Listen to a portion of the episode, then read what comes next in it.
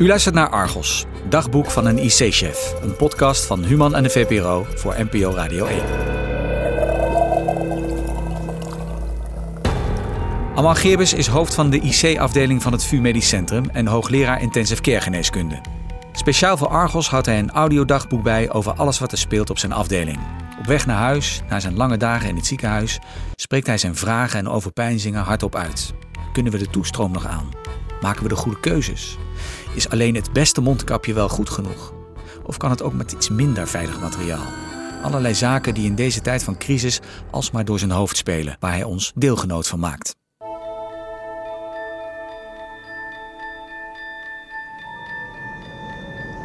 Vandaag is het uh, donderdag 16 april. De tijd uh, vliegt uh, voorbij. En zaken waar we nu vooral mee bezig zijn, is hoe we nu verder moeten. Er liggen natuurlijk nog steeds heel veel patiënten op de intensive care. Maar het aantal nieuwe patiënten neemt niet echt toe. Dus dat betekent dat we heel weinig opnames uh, hebben de laatste tijd. En daardoor beginnen sommige mensen nu alweer te roepen van... Nou, we moeten back to normal. Dat is altijd, uh, altijd een beetje van lachen als mensen dan weer... een soort Engelse termen gaan gebruiken. Vervallen een beetje in het oude gedrag. Wat ermee bedoeld wordt, natuurlijk is... terug naar normaal voor veel mensen betekent dat dat we ook de normale patiëntenzorg weer terugbrengen naar de proporties, naar de hoeveelheid zoals het was voor deze coronacrisis. Ja, dat wil natuurlijk niet. Maar het lijkt erop alsof uh, ja, bij ons op dit verkeer is weer een nieuwe routine is er ontstaan. En uh, dat loopt allemaal. Maar er moet nu gedacht worden van ja, hoe gaan we nu verder? En er zijn zelfs mensen in Nederland die denken van nou ja, we kunnen misschien nog wel even wat extra intensive care bedden maken. Dat is natuurlijk een volstrekt onmogelijk uh, plan, want we draaien nu al uh, meer dan dubbele hoeveelheid intensive care bedden.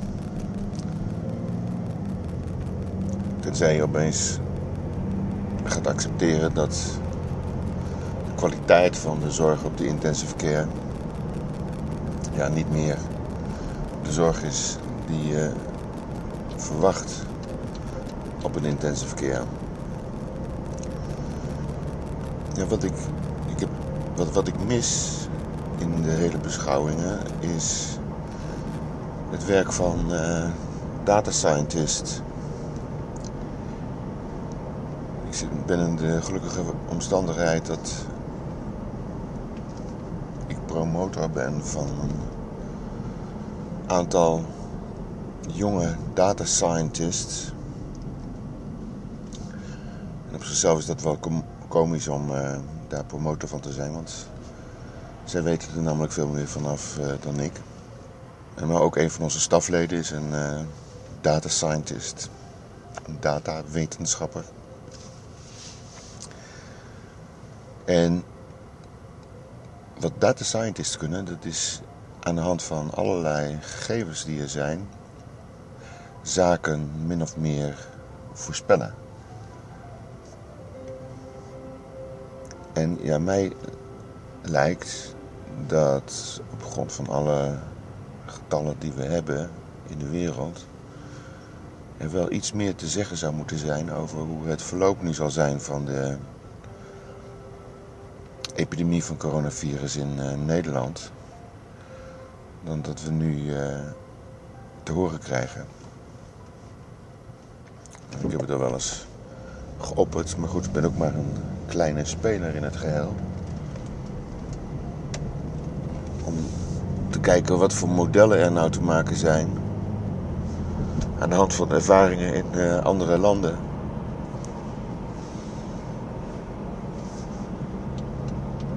we hebben voorlopig besloten om uh, het aantal bedden dat we beschikbaar hebben voor coronavirus niet verlagen de komende dagen.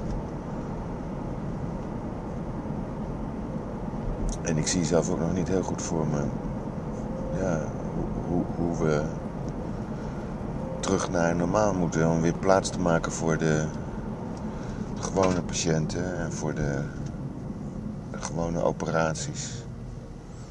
Omdat er natuurlijk heel veel personeel wat werkt op de operatiekamers, die werken op dit moment op de intensive care. En die kunnen we niet zomaar eventjes uh, missen. Dat is dus een heel groot uh, dilemma. En natuurlijk wordt er ook veel druk gezet om uh, vanuit de dokters die zich primair verantwoordelijk voelen voor de patiënten waar wij nu niet voor zorgen. En er zijn natuurlijk vaak dokters die ook heel veel tijd hebben om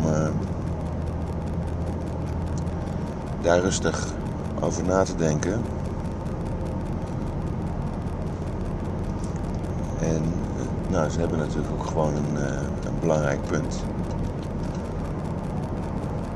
Maar ik zie zo 1, 2, 3 de oplossing nog niet voor me. Vooral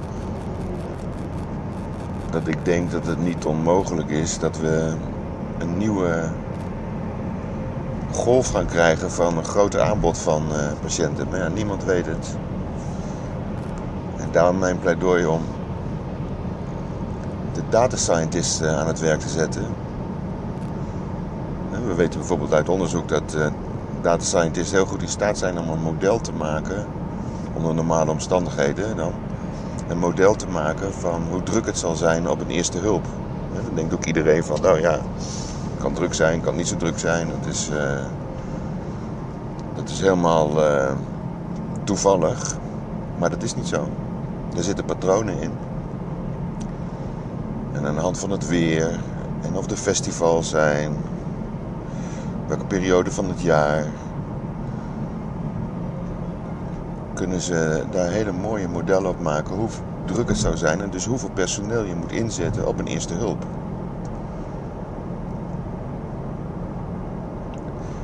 Nou, misschien gebeurt het ook al wel voor het coronavirus. Alleen, ik heb er nog niks over gehoord. Ik zou er wel heel graag wat over horen. Tot zover het audiodagboek van Dr. Geerbers van vandaag. Als u zich op deze podcast abonneert, kunt u regelmatig een nieuwe bijdrage van hem beluisteren.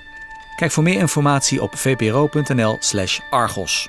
Daar vindt u bijvoorbeeld ook het audiodagboek van een huisarts en nog veel meer interessante artikelen. Vindt u deze podcast de moeite waard? Laat dan een review achter in Apple Podcasts. Dank u wel.